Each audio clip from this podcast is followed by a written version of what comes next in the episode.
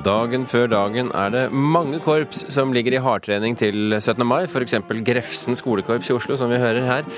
Men det er eh, færre musikanter enn før som øver. Ikke bare er korpsene mindre, de siste ti årene har 64 skolekorps blitt lagt ned her i landet. I dag morges sa Arild Stokkan Grande i Arbeiderpartiet at statlige penger alene ikke kan redde korpsbevegelsen. Foreldrene må bidra mer. Og da reagerte korpspappa og parlamentarisk leder i Kristelig Folkeparti, Hans Olav Syvertsen. Og hva var det Grande sa som gjorde at du satt kaffen i halsen, Syvertsen?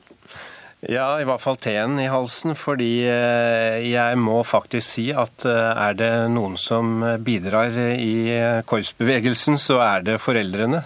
Eh, jeg ser jo hvor mange foreldre som legger ned uhyre mye arbeid for at man skal ha et korps lokalt som er oppe og står.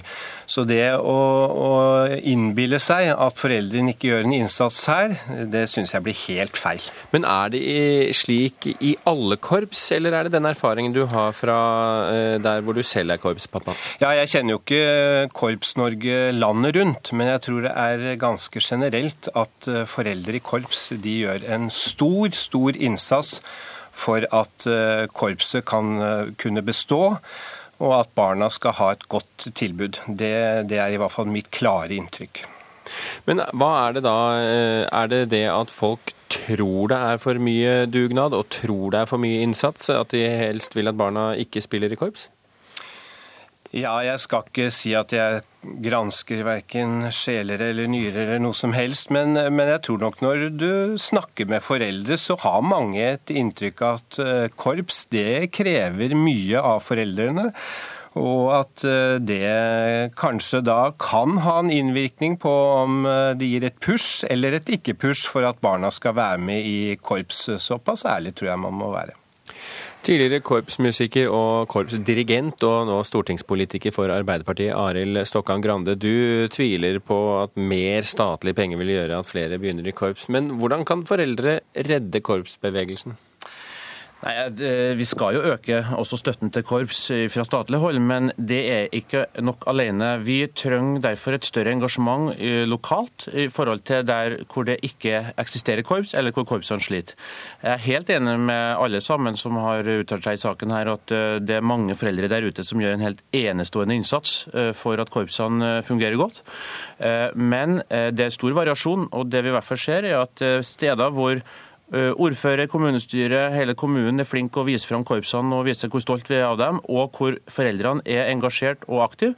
Der lykkes man.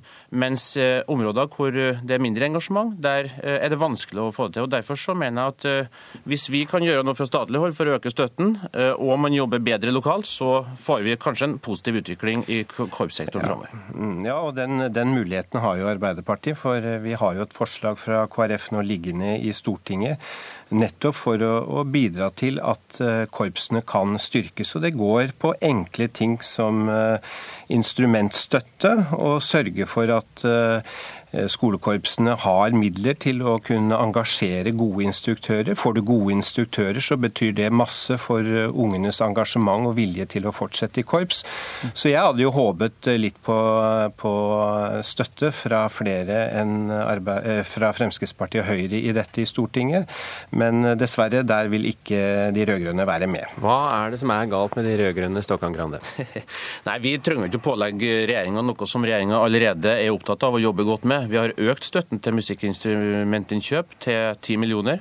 Vi har økt støtten gjennom momskompensasjonsordningen og tippemidlene eh, gjennom grasrotandelen fra 15 til 55 millioner. Så det er allerede gjort et godt stykke men, men det, men likevel går antallet ned. Det, det, blir fort penger av dette her, Stokkan Grande, og du var inne på det. Likevel så går altså eh, eh korpsantallet ned, mm. eh, antall musikere går ned, eh, interessen eh, går ned. Alt går ned, egentlig. Og likevel så sier du at det går fint.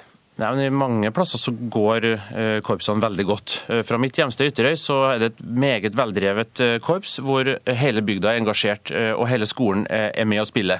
Så det, det er ikke et svart bilde her, vi skal ha med oss det. Men, men det er ganske grått?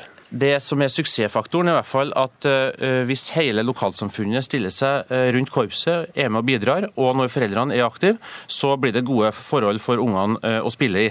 Og Da har man gode forutsetninger for å lykkes. Men da trenger vi at kommunene er mer aktive og sier at vi ønsker korps, ikke bare på 17. mai, men vi nærmer oss et grunnlovsjubileum. Mm. og Derfor så trenger vi flere korps i framtida.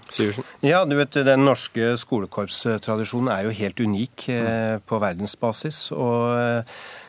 Stokkan Grande nevner jo at vi har et, eh, et, jubileum som kommer om eh, et par år. Det er til og med tillyst konkurranse for å få en ny marsj i forhold til 2014-jubileet. Og jeg tenker som så at når vi ser virkeligheten, så må vi bruke alle gode krefter og, og få dem til å dra sammen. Og det er selvfølgelig, som Stokkan Grande sier, foreldre, det er lokalmiljø. Men jeg vil også si at vi som myndigheter har et ansvar. La oss ta dette med moms. Skal, la, oss ta, ja. la oss ta, det en annen gang, Syversen. Okay. Eh, eh, Norsk Musikkorps Forbund sa på TV på NRK eh, her forleden at det de sliter med, er ikke konkurranse fra fotball, det er ikke konkurranse fra håndball, det er konkurranse fra sosiale medier. At barna bruker rett og slett mer tid foran datamaskinen enn før. Hvordan skal du lokke dem bort fra datamaskinen og til et instrument og til et korps? Ja, det er jo selvfølgelig at det oppleves attraktivt å være med i korps. Og det går på holdninger, og det kan man ikke bevilge seg ut ifra og, og tro at alt løses ved det. Men alle gode krefter må jo dra sammen, og jeg ser hvor, hvor krevende det er å få balanse i et regnskap i et korps. og, og da si at foreldrene ikke gjør nok. Det er der jeg får litt problemer, for å si det forsiktig. Angrer du litt Stokkan Grande, på at du sa at foreldre ikke gjør nok? Jeg tror det må ha vært en misforståelse, fordi at uh, jeg eh, påpeker at der der, hvor man, det, der, ja, der, der, man lykkes, så er det uh, foreldreinnsatsen en veldig viktig brikke. Og der man mislykkes, så tror jeg nok at vi kan godt si at foreldrene kan gjøre mer. Jeg husker fra min egen barndom, det var ikke bestandig jeg hadde lyst til å gå på korpsøvelse, og kanskje heller ville sitte og se på TV eller gjøre andre ting. Men det var en forventning fra, foreldre, fra dirigent Eh, og eh, man lærer seg at man må stille opp for hverandre. Eh, samarbeid, det er god demokratiopplæring. Og jeg er utrolig glad for at jeg ble pusha til å spille i korps, og det tror jeg at flere kunne hatt godt av. Men Såkan Grande, nå er det jo slik at jo færre som spiller i korps, jo stussligere høres det ut. Og det er jo ikke akkurat noe god reklame for de som kunne tenke seg å være med i korps.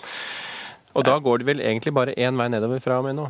Nei, Det er klart at det er en utfordring når eh, barn kan høre eh, perfekt eh, digital musikk hele tida, og at det blir vanskeligere å få til den gode lyden i korpset. Men derfor så trenger vi at vi har gode instruktører, gode instrumenter, at vi får gode øvingslokaler. Der kan kommunen og foreldrene stille opp. Og så trenger vi gode forutsetninger for å drive korpset, og der kan vi fra statlig hold stille opp. Så jeg tror det vi har all mulighet for å lykkes i Korps-Norge i framtida, men da må hele samfunnet, fra eh, Stortinget og ned til eh, hver enkelt familie, gjøre en jobb. Er du like optimistisk, Nei, men, Syversen? Nå syns jeg Stokkan Grande er på et godt spor, så det var godt dere fikk denne debatten. Det vil jeg si. da blir det en fanfare til slutt. ja. Skal vi rett og slett da altså slutte på eh, a good note, som det heter i andre land? Ja, det er bra. Ja, Hans Olav Syversen og Arild Stokkan Grande, tusen hjertelig takk for at dere var med i Kulturnytt. Takk skal du ha.